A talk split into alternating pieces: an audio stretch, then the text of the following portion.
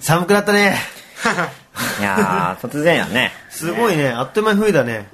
さっきもちょこっと話してたんだけどさ、何気にもうさ、あの台湾ツアーから1年ってそういうだよ。ね、そうかほ。んと早い。もうさ、 10 11、2回あれから収録したってことやね。何一つ進化してない、 もしくは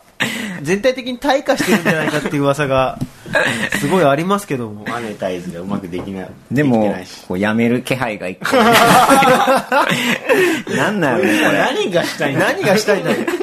なんかさ、本当に、あれだよね、今後の目標みたいのを本当にさ、きっちり設定そしうだて、ね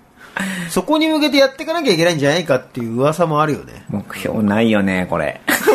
いや、目標あれじゃないやっぱこう、天皇に手紙を渡す。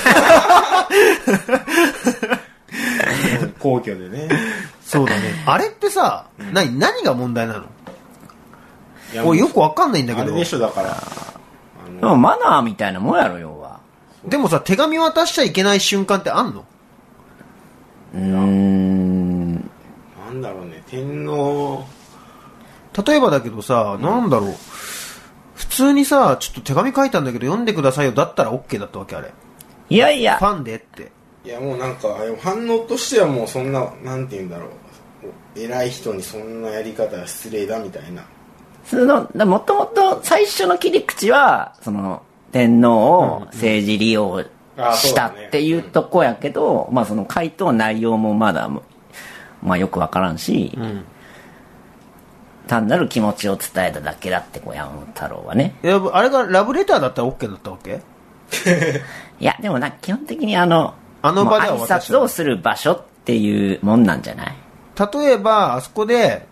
こう、うまく喋れない人っていうのがいたとして、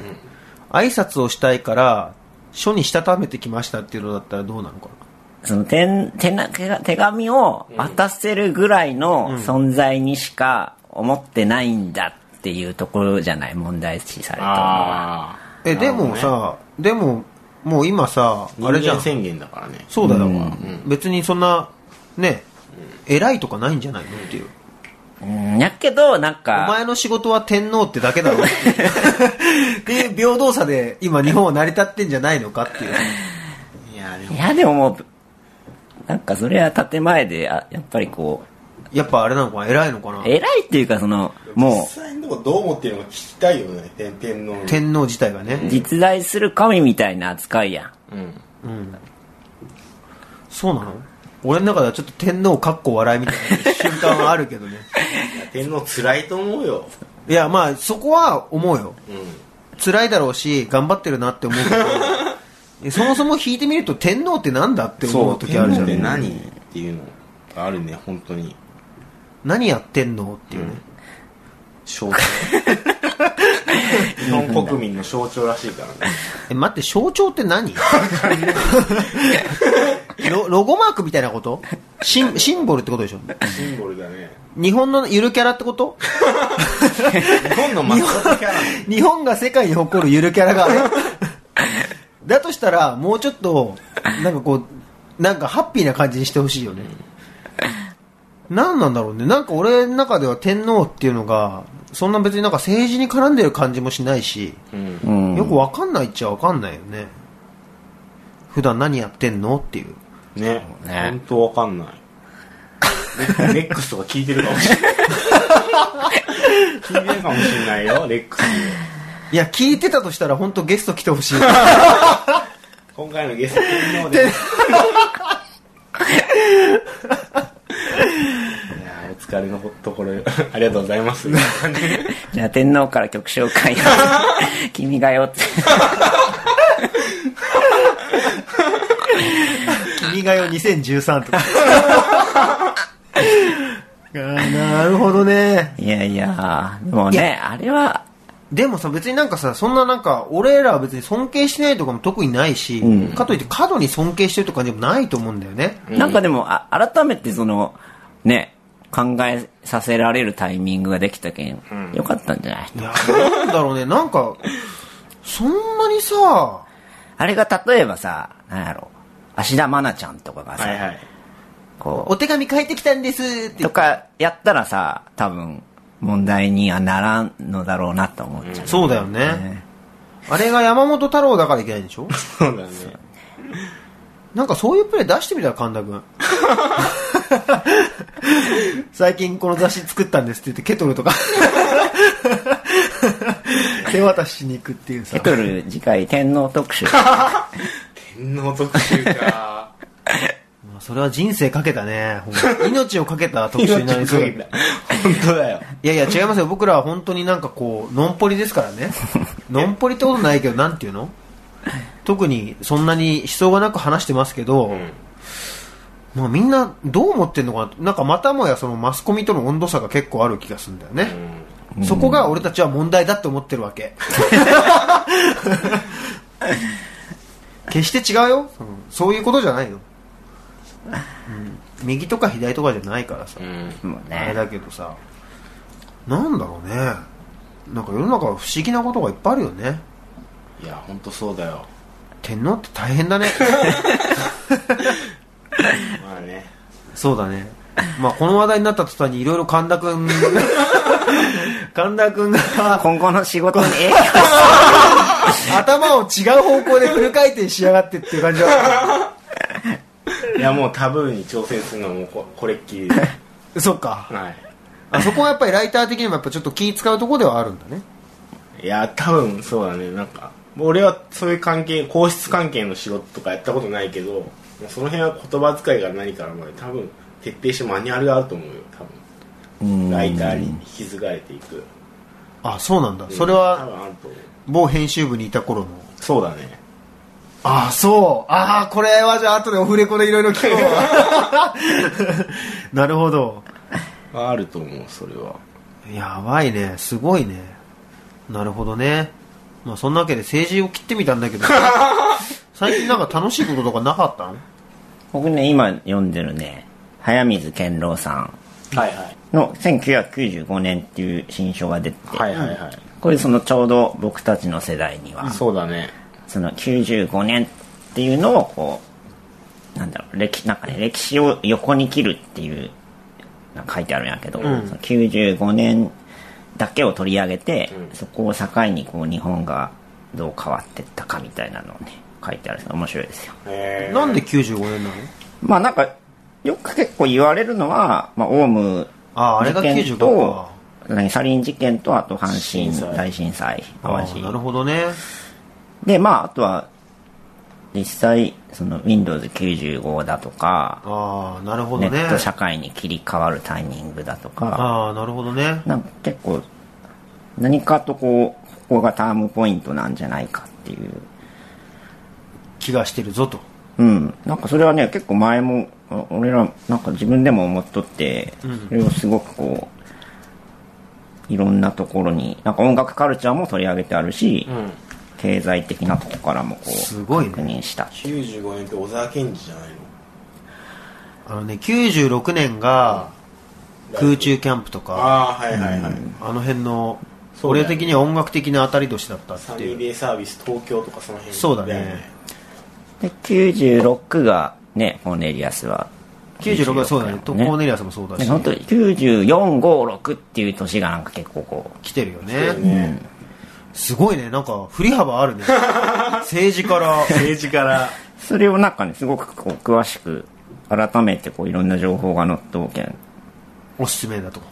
なんかおな同世代の人はすごく面白い、はいはいはいなるほどね。そうだから俺まさにさ、神田君とかだけん高校生とかやそう高校高で校俺一だね中1とか中2やけんさ、なんかその単純に年齢的なものであの年がすごく楽しかったのか、楽しかったというかこういろいろあったのか、なっていうのもあったんやけどすごいまあこの人はもうちょっと上の73年生まれやけん冷静神田な。君よりもちょっと上かそうだねでもあれやんね団塊ジュニアとか言われる世代やんね、そうちょっとその客観視してもやっぱすごい1年間なんだなっていうなるほどね。なるほあ、ちょっと頭良くなった気が した。いやいや、マジでマジで。そうでもなんか95年はねどっかでうちらも取り上げたら面白いな。そうだそうね90年代コーナー特集をやってもいいよねそうだね、一応90年代が落とした一粒のテ ィアウィークエンドにいたからねそうねそういえば昨日の話なんですけど昨日あの解散ぶりにウィークエンド3人で飲んだんだよねおおおーいいね。 3人プラスデザインをずっとやってくれてた寺澤君だとか、はいあのイラストレーターの中尾道夫うん。等々で飲んだんですけどどうやったなんかバラバラにはね、なんかそれぞれ、いやまあ最初に話したのは、うん開口一番、あのメンバーの転校生とうん話したのは、俺たちって喧嘩してんの っていうなんか周りがめっちゃ気使ってくるって話をうん。 2人でして、はいはいなんかどこ行ってもウィークエンドの話になって潜水君と大丈夫みたいなこと言われてで俺は俺でなんか純也君とそろそろ仲直りしなよみたいなこと言われるんだけどいや俺俺たち別にそんな喧嘩とかしてないよねっていう話から始まりもうそうなんだよねしてないよねって言いながらなんかもう全然当時と変わらないバイブスで飲むっていうねはいはいはい不思議な夜でしたねまあ俺も、俺、お互い、両方ともなんかこう連絡取ったりしよったけん。うんうんうん気使いよった。でしょなんかだからそうあのみんなに言われるって言っててなんなら大家君が気使ってるみたいな話をしてさまあなんだって話になったんだけど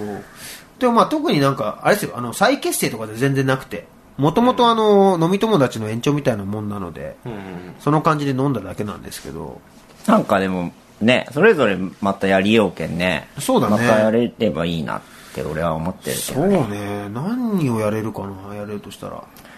おいでもまあいいいい感じの飲み会はできると思ういい感じの飲み会は割といやその飲み会行きたかったもん。いやぜひぜひあのアナのニューアルバムのねうんジャケットがおあのウィークエンドやってた寺澤君がやることになったんで、うんはいはいそうそう寺澤慶太郎君がはいなのでその話もちょこっと出ましたようんいや、なんかね、俺だけ解散、ウィークエンド解散した時に、ちょっと、ゆったり、こう、自分で考えたんやけどさ、この人たちと、実際3 20後半で知り合ったけんさ、で、まあ仲良くなったのは30ぐらいやけんさ、20代の頃にこの人たちとこう、知り合ってたら、俺の人生はもっと楽しかっただろうなって思ったじ ゃん。そうだねあの知り合うきっかけはいくらでもあったんだけどねそう心開いてなかっそうそうでもまああの頃結構ギスギスしてたからねみんなねた。そう。今大人になったんじゃないかなだけんね、変な自意識も抜けてそうだねなんかね、あれじゃない来年1月さ、んウィークエンド解散1周年記念、うんウィークエンドとは何だったんだあ、いいね。企画いいでね俺語れるよ。メンバー3人集まってみる若干いいんじゃないですかね。はいじゃあ、そんな感じはどうかなでも1月結構トピックが多いんだよね、まあね、新年だし。あ、アルアルバムも出ますし、アナ。そうだよ そうだった。思い出したよあそうだ、発売日が1月29に決まったんでお。まあいい、肉の日だそう。牛島いい肉の日になる。じゃあ、流れで、えーえーっとじゃあそのタイトルはえーイメージと出来事おーっていうアルバムが1月29日に発売されますので。なるほどね何イメージと出来事ってまあまあ、その辺は1月に、ああわかりましうた、ん、はいちょっと1月さあれだね穴祭りやろやろうやろうううんあの関係者うんミックスをされた上田君だったりとか、あ、特集。そうだねその辺のこう人たちを呼んで多角的に語っていくっていう、ぜひぜひやりましょう。そうだねあと、1月はあの、公開収録もああそうですね企画してるんで、うんうんまあその辺は後々。はい楽しみだねじゃあそんなわけでタイトルコールいってみましょうかはい。じゃあ、アナ大久保と、サブカルチャー潜水のレディオレックス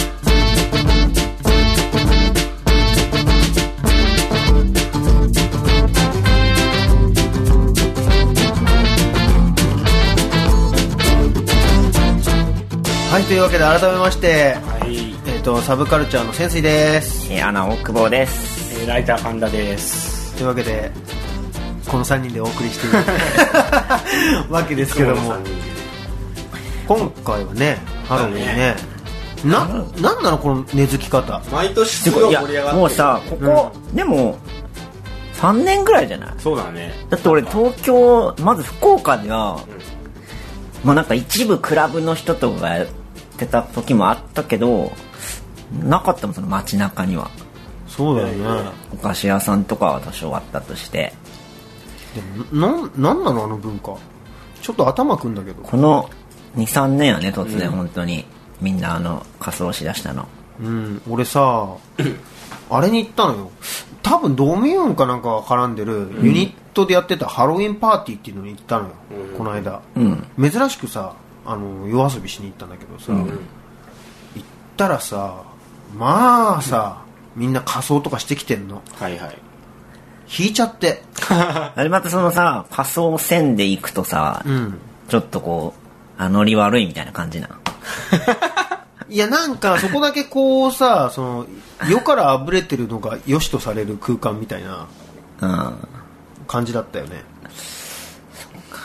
なんかもう完全すごいさもう引いちゃっててさで外人とかもノリノリでさ、変な格好とかしてきててさなんなんだよと思って俺もでもまあ普通の10月末ぐらいに飲み屋さん居酒屋に下北のさ、行ったけどさそこでもやっぱ相当普通の飲み屋よ、居酒屋にいろんな格好の人がおったへえそれさ相当浸透してるねそれはなんだろうみんなやっぱコスプレしたいってのがあるのかねなんだろうねコスプレのチャンスをさ狙ってるってことみんななんなんそうなんかなでもさコスプレっていうコスプレなんあれってなんかその幽幽霊っていうかなんていうの化け物的なものになるのがルールじゃないといやでも中にはちょっと間違えてラムちゃんみたいな格好してるじゃんなんかそこがようわからんよね。わかんわかんないいやだから俺はあれ単純になんか世の中的にコスプレしても OK な日ってなった瞬間にそのアニメとかじゃないからんコスプレも恥ずかしくないみたいなはいはいはいそのアニメ層じゃない人たちのコスプレが始まるって呼んでるんだけどなんであんな格好したがんのなんだろうね俺あの一応両親にああいう格好では歩かないようにっていう教育は受けてきた ガス抜きだねなガんスだろ抜うきねクラブとかのはね、なんかわかるけどね、ちょっとこいや、わかるけどさ、わかるけど、口から血出たやつとかで歩いててさ、なんだかわかんなかったよ、結構。 なんなのこれって思っちゃったよ。う、まあね、うんなんかでも、え、あれ、なわんかか、らんけどさ、すごくエロい雰囲気があるのが嫌よね。あ、わかる。そうそうそう。なんかもう、やってるやつ全員に、こう、下心がすごくある感じの。あの、あのさ、なんかその日だけはさ、その、なんていうのハードルすげえ低い感じに見えるもんね。そう。そうだねみんなね。あれがなんかその、嫌よね。そうだね。だっ、て、もともとはちゃんとその、なんか、あるわけやろ、まあ収穫祭だからクリねス。マス的なちゃんとしいやいたや。収穫祭だからこう、あ、かぼちゃ取れたぞーっていう村祭りでしょうんそれがなんか飛躍してすごいことになっちゃったっていうやつでしょなんなんだろうね、この数年でのいきなりの。ねでもまあほ らコスプレ需要とかあんじゃないアナもコスプレ好きじゃん さなんだかんだでいやコスプレ好きでしょあなたたちコスプレしたことないよ。いやだって俺ユニットの映像見たらだって大内くんとかよくわかんねえ格好してたよ なんかよくわかんねえそれこそハロウィンみたいな格好してギター弾いてたよああ。なんだろうね、俺。なんだろうね俺ってあれってなんか違う。 コスプレっていう意識はなかったな。コスプレのコスプレをし自分がしするんじゃなくて、うんこうコスプレイがしたいっていう気持ちはあるうん えだからさその、まあ、よく言うさなんていうのこうナースの格好があ好きあ、とかそさの夜にってことね。夜にああ、コスプレ。そうなまあ俺たち童貞だから、もう夢のまた夢だから、ね、わかんないけど、まあ、ナースとかはちょっとあるかな。 どうする次にアナのライブ行ったらみんなな、いや、でもそれは、コスプレとしてナースに憧れるわけじゃなくて、ナース、ちゃんとしたナースがいいかな。うんああ、ガチナースう。ん。ナース願望はあるけど、コスプレは逆にちょっと引くかもな。あでいやだからもう本当にでもさ、ガッチガチのさ、その、本物の看護婦の格好とかしてきたら OK ってこと大久保さん、診察の時間ですよ。結構でもそれ笑ってしまうもん ね。いやもう俺もうコスプレってもう笑いにしかなんないからダメなんだよね。ねなんだろうね。だけどそのナースが唯一考えられるのは、んそのあり得るっていうかさ、げリアルさがちょっとあるやんうんなんやろあー例えばな、るほそどのねさ父兄の格好とかさ、あとあのチアガールとかってさ、シチュエーション的にまずないやんそうだよね、チアガールなんてもうエロと俺結びつかない もん。ゴーファイとか言われてさ、 なんか、言われてもさ、えーってなるじゃん。ナースに関しては俺結構その思春期の頃に入院すること多くてさ、そういう結構何そのダークなの トラウマ的になっとうけん。ああ、なるほどね。残像としてね。あれはエロの対象として。あ和服はあ、和服ないな、 俺。和服も服は。もう、喪服とか病んでるでし ょ、もう。え、神田くんはないの、そういうのは。ああ俺ねコスプレねああメイドとかは好きなの。いや俺メイドはメイドとかより全然あの CA の方がいいね意外なとこ来た。 結構だけど、それもでもね、リアリティがあるっていうか、ちょっとこう。ない話じゃないかもなってんってい。いううとこやんね。なんだろでうも、ねっ。てことはやっぱその、あんまり向いてないんだよね、仮想とかうちらは。うん向いてないのかなそもそもそういう現実離れしたのがあんまり、そうだね。なんかもう現実から離れた瞬間にもう、笑いにしかなんないもんね。なんか、エロさとかチャラさがあるのが気になるな。もう少しこう、そうだねちょっと文化的な、そうだね匂いがねと。か単純に子供たちが、なんかその大人がやりようやん。っうんそうだていうね。のがちょっと気になる大のか人ながそのテンションに乗じて、ハメウィンにしようとするからやってるでし ょもっとその、たもっと基本的な子供を近所の家に生かして、うんあの、なんだっけ、トリックはトリーはトトリートっつって、お菓子をもらうっていうのを一回こう広めてからの、大人もみたいなさ、あーやったらこなるほどう、ねもうちょっと乗りやすいかな。そっか。まあでも俺はどっちにしろ乗れないっちゃ乗れないかも な。乗れないな俺もそうだね。全然乗れないなんかまあやばい。これまたでんテンション下がってき た。この世に対しての、世の盛り上がりに対しての俺たちのこの、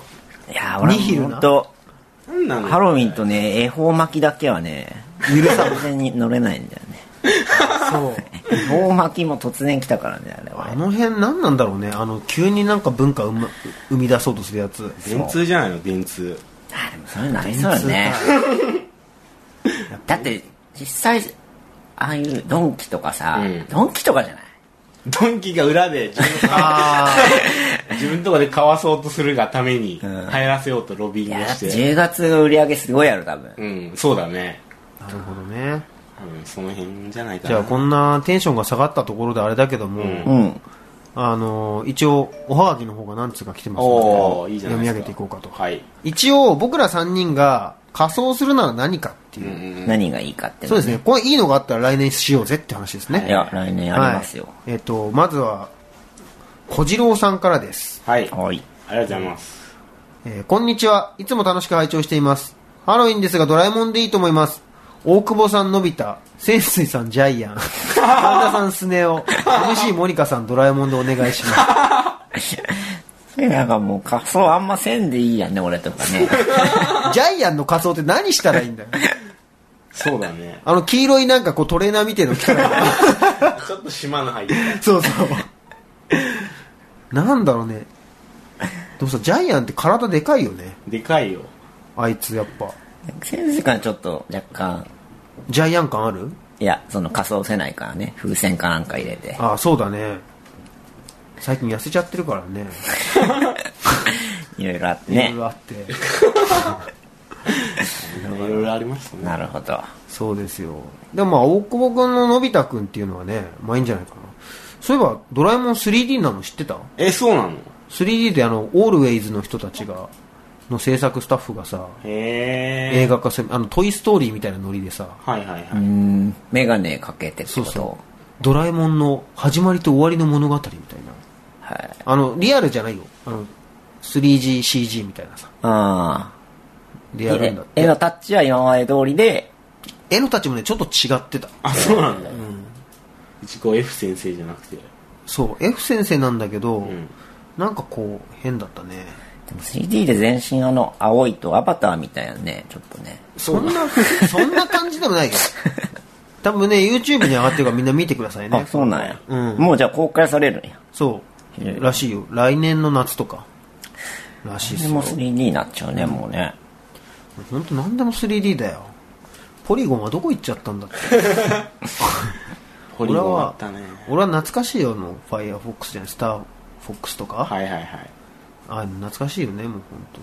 当に何の話して るのじゃあえっと次のうんおはがきです、はいえっと潜水さん大久保さんなんだかんだで神田さんこんにち はおいい ね。いいねこれなんか使昔えんじゃよないよく言われてたよ昔 マジ。今行ったらいけんじゃないの今言っていけるなんだんかんだかんだ です。あじゃあ試れしてみあれば上位みたいな感じだね。ラジオネーム短節弱しですあ来ましたね いつも楽しく拝聴させていただいています。今年のハロウィンですが、僕は、 ちょっと待って、笑っちゃった。僕は水子の赤ちゃんの仮装をしました。一応おむつだけ履いていろんな家に行って、クリックオアトリース、クリックオアトリースと連呼してきましたが、誰もお菓子をくれるどころか、開けてももらえませんでした。 来年は、泉水さんは半沢直樹のコスプレ、大久保さんは安藤ロイドのコスプレ、神田さんはケンタウロスの格好がいいと思います。 本格的に寒くなりましたが、お体ご自愛ください。アナのアルバムとサブカルチャーの動き楽しみにしております。ということでした。ありがとうございあまりす。がとうごいつもざいまなんだよ、水子の仮装って。おむつ一丁でさ、歩いてる大人なんてもうダメでしょ。でしかもこう、クリックオアトリース、クリックオアトリース、なんかこう、何かにこうね、間違ってる。何かに触れそうな感じもあるしね。単なる変態やね、もうそうですね。ケンタウルスいいね。すケンタウルスいい かなケンタウロスいいけどさ、俺、半沢直樹のコスプレって何スーツ着りゃいいの僕らも見てないし。俺ね、半沢直樹最近見たんですよ。おお結構半ばまであれ真ん中ぐらいまででこうさ前半戦終了みたいなうんうん明確なところがあっはいて、はいはいなんか大阪の話そとうそうみそうたいそうなやつそう、やね。で大阪の話だけ見たんだけどなんかねあのねみんなが面白いっていう理由も分かったえあそうなーのやっぱ面白いんや。面白いね、あそうなんだうん、でもそこで止まっちゃったけ どなんか俺も時間さえあれば見ようと思っとったけえど。何倍返しっていうのはどういうとこ出てくるの倍返しって決め台詞みたいいうなのは感じ要するにね半沢直樹がさ、んすげえいろんな人からさ、うんこうにはめられそうになるよずーっと、うんでも半沢直樹にそれをこう気づいて、うんそれを上司とかからはめられそうになるんだけど、それに気づいて、うんそれをやり返すために、うんこう裏からこうさいろいろ資料を集めたりとかさ、はいはいはしていくっていう話なんだけどだから結構こう、我慢の期間があるのよこうしばらくさこはいうはい半沢直樹がいじめられてるみたいな気持ちになってきて、はいはいでそういう時にこう「ベゲして!」っていうあのすごい あのすごい力入った感じで言うとなんかこうあれみたいな感じだからなんて言うんだろうな時代劇みたいな感じよあー、あのー、あれだ。水戸黄門。水戸黄門とかに近でいもなんかね、現代版水戸黄門っていう評価はなんかどっかでされてた。あ本当、へーでもね本当俺もねあこれ時代劇だなと思って来見てたーみたいな。そうそうそう陰謀来たみたいな感じの。うん、それまでは半沢君なんとかでなんかもっとこうしてくれたまえとか言ってすごい言ってんだけどもう相手の弱み全部握って最後に上司も呼び捨てにするのよえおいなんとかみたいな弁義士だ結構じゃあもう、一一は完結的な感じ。 1話でもある程度完結するんだけどやっぱその巨全体大な敵は、その長いスパンで戦っていくみたいなへーまあでも、そう、面白そうかもな。そうだから結構あれ日本人が見てハマる理由もすごい分かったなって感じなんか最近見てる俺見てんのあんだよね1個だけえー、こ何れが、ドクターまだやってんの X2 がこあのちょうど始まって、あとは相棒が、やまた、始まった大好きな相棒が始まった。あそうなんだでも、あの、見たいのいっぱいある、今回は。俺はねあのあれ見てる黒コーチあ、そう、それ見たいっちゃ。黒コーチ面白いよ俺え黒コーチはずっと見てるよ3億円事件の話やね。そうそうそうあそうなんいだや、3億円事件ものは俺、あれね原作がね多分ねあの20世紀少年とかをやってるうーん。なんかリチャード・ウーっていう人ー、ああそうなんだやってて面白いですよあの浦沢直樹の漫画みたいな感じですよだから本当に3億円事件ものは面白いもんね。そうだね大抵面白いもんね。あら、たけしとさ、ウィートたけしと、それこそあの、あああったねなんか松田龍平と、うん長瀬智也。うんうん長瀬智也はその黒コーチも出てるね政治役やね。でもその、その3人が、たけしが実行犯っていうドラ、2時間ドラマがあってさ、うんあれが、なんかいろんな3億円事件もの中では一番好きかも。あそう結構なんか3億円事件もの好きで見よってさ、うん初恋とかもあったしね。うんうんなるほどねちなみに神田君はなんかドラマ見てんの最近全く見て ないっす全く見てないなるほどねもドラマを地で生きよう感じ。う自分のね人生がドラマですそれわかるわ それはわかるわ他人の人生を喜んでる場合じゃないないっていうね自分の人生がもう一日一日がドラマですよなるほどねじゃあまあ俺は半沢直樹のコスプレってことで来年 ま あスーツ着てあ歩くかまあ来年をじゃあちょっとこう、仮装して、はい、 10月の収録に臨みますか。そうだねじゃあそんなわけでここで一曲まあ寒くなったんでね、あの、もう雪も降ったとこもあるらしいよ。あそうなの北の方では。うんうんなので、えー雪の曲を、まさか牧原紀之のじゃない方の。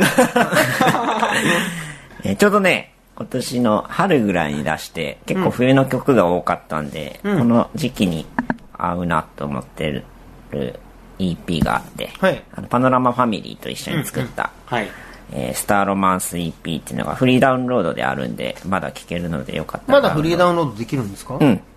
あのーまあ、僕のツイッターとかでもうん告知してるんで、チェックしてください。そこから、えー、ハムラマファミリーと、大久保で、えースノー。スノー街は今夜青白で雪の中スノーそのままで消えないで今はただスノー街は今夜青白で雪の中スノーそのままで消えないで今はただ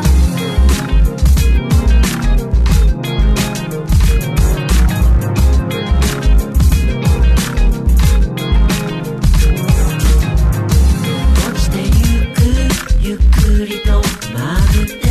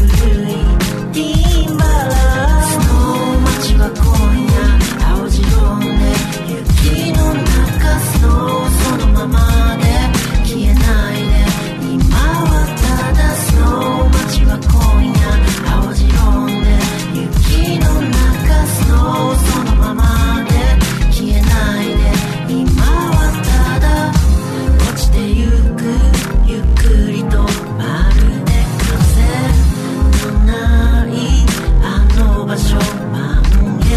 で It's a perfect どな夜空輝いてそのままでそのままでいつかの夢と思い出したり映画のワンフレーズだったりどうでもいい嘘だったり思い出が触れて踊ったりして白い足跡が広がってくまたこんな日が来るさいつかはその街は今夜青白で雪の中スノーそのままで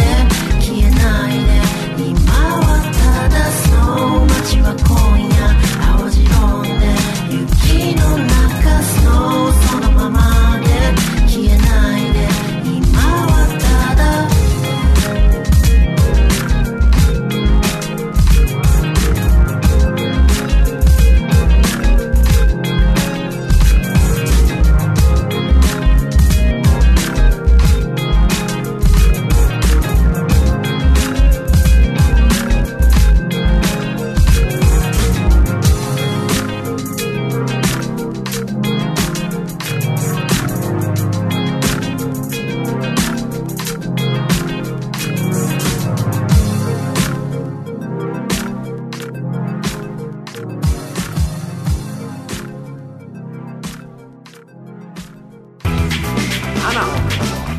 サブカルチャー先生のレディオレックス楽天優勝お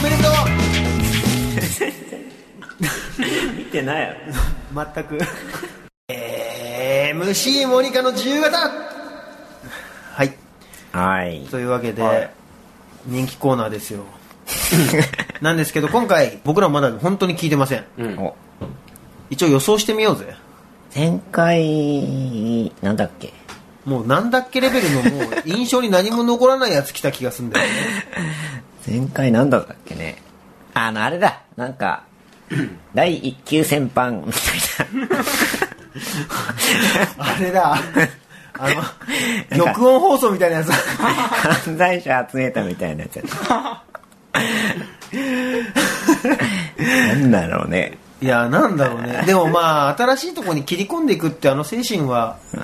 きだよ俺はいやいやもうだ想像できないからね、そうだうねんこれ予想しようとしてももう無理やもん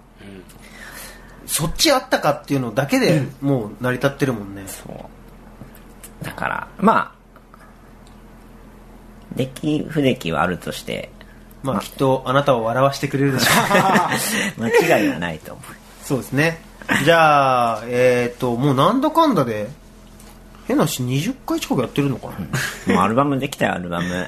そうだね20回近くやってると思うんだけどじゃあ自由形ですえーどうも、えーモニカです、えー今回はですね、まあ、今まで結構いろんな、まあ、ふざけたふざけたってことはないですけどちょっと、まあ、何かに憑依したりとか、えーコンセプトを決めたりとか、えーそういうなんですかねちょっと逃げてたような気もするんでラップ自体から、えーでもうそろそろですねもう1年以上経ってこのせっかくチャンスをいっぱいいただいてる状態でもう逃げるのやめたいなっていうかですね、あの、今回フリースタイルではないです。自由形って言ってますけども、ちゃんとラップ書きました。自分の本当のなんかやりたいラップっていうのがやっと見つかったんで、えーそれをちょっと真剣に披露しようかななんて思ってます。えーちょっといつもみたいに笑いがなかったら大変、なんか申し訳ない、申し訳ないっていうかまあ、それもまた今回の自分、これも自分の姿なんで、えー真摯に受け止めてもらえると、えーありがたいと思います。 えーえーフリースタイル、えー自由形、モニカの自由形第2章っていう形になるかもしれません。えーもしかしたらファンが離れるかもしれません。でも今回、えー新しい旅立ちだと思って聞いてください。えーじゃあ行きます。MC モニカで、In Japan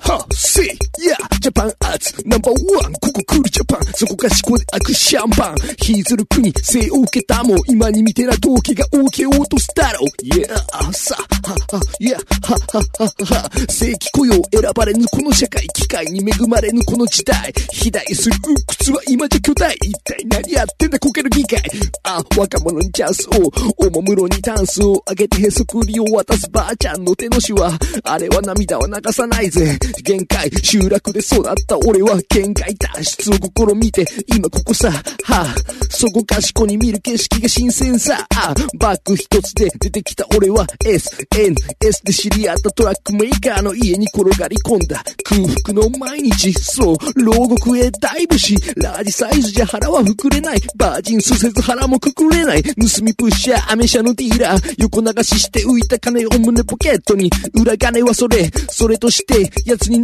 したいつかは抜け出すこの生活今は吐き出すそう駆け出す準備はすでに済んでいるすでに売れてるだが遅れてる背後まで来てる奴は積んでるアッパーカットアッパーカットいやいやほう in Japan 引きずる国そうそこにあるのは一人一人の知性それを持って打ち抜け世界脱出そうグローバルなネットワークこれを無視していくわけにはいかないそう俺が MC モニカ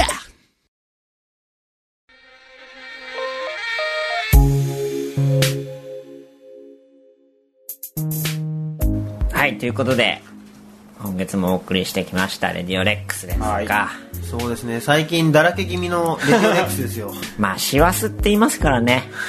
年末はこう、忙しいですから。師走丼っていうからねはい。 まあね、いろいろあってね、みんなね、そうだ大ね変な時期なんですよ大変な時期なんですけども、まあ来月、再来月と。ますますね、大変になってくるんじゃないかと思っておりますよまあまあ、なん、まあ僕、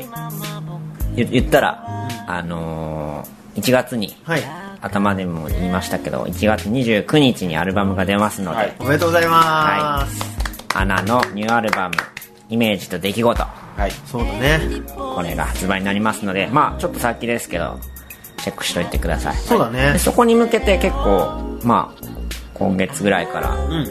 ちょこちょここう、いろんなね、映像だったり、うんさんなんか上がっていくと思うので、うん要チェックということで、うんあのーホームページをですね、ちょうど今月6年ぶりにリニューアルして、なんかパララックスのすごくかっこいいサイトになってましたねそうなんか僕はよくわかんないですけどおう大内がああ大地君が意外な才能を見せて見せてそうデザインの方もやって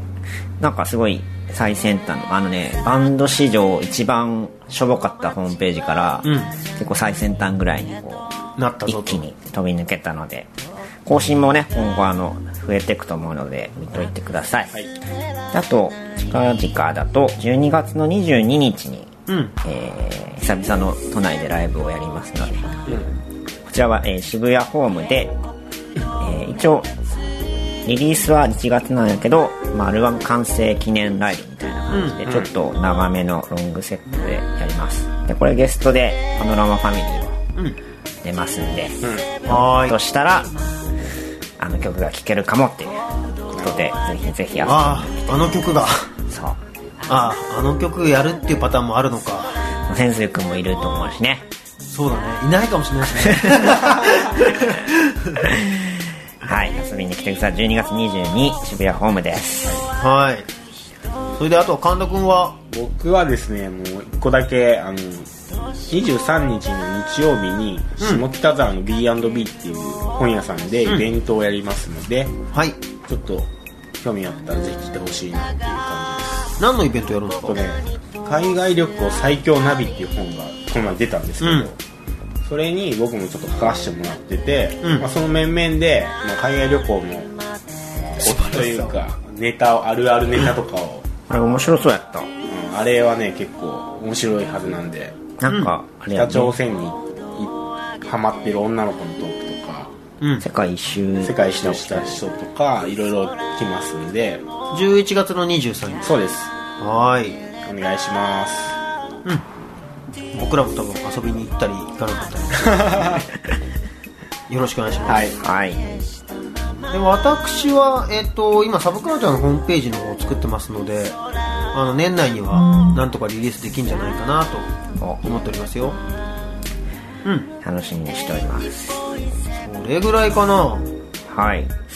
じゃあ来月は、まあ一応、今年最後そうですねの収録ということで、はい今回あのちょっとですねあのー企画が間に合わなかったオリンピック特集を満を持してやろうかなとはい思っておりますよでえっとオリンピックの新競技を考えるということでこれはもう完全にね、ネタコーナーですので。そうですね皆さんもうあのガンガンくだらないものを送ってくださいはいお。願いしますえっとスポーツに全く関心のない3人がどうやったらオリンピックに楽しさを見出すことができるかこんなのはいいんじゃないっていうお便りを募集してますはいなので、もう本当に、あのー新競技じゃなくてもいいです。もうオリンピックに関するネタはがきだったら。うん。提案だとか、そうですねそ。れこそあの、オープニングセレモニーのね、はい。こういうのやったらいいんじゃないかとか。そうですね。なんですかね、こう、もう、ガールズ大相撲み たいな。もうそんなのがあったら、もう僕は喜んで見るかもしれませんし。うん。セクシー相撲みたいなことでいいじゃない ですか。なので、はい。はい皆様よろしくお願いいたします。はおい願いしますあ、で、来月は、うんあの、年末恒例のはい、モニカさんをお迎えしてゲストに迎えて、一年の総括をそうですねできればね、取って出しのフリースタイルをうんあそうですねはい生収録とかもいいかもしれないですしねやりたいですね。ですねじゃあ、とりあえずは、そんな感じですかそんな感じですねだんだん年の瀬が迫ってきて皆様あの風邪などひかれないように忙しいとは思いますけどはも、いまあ、はいこちらのね、くだらないトークで、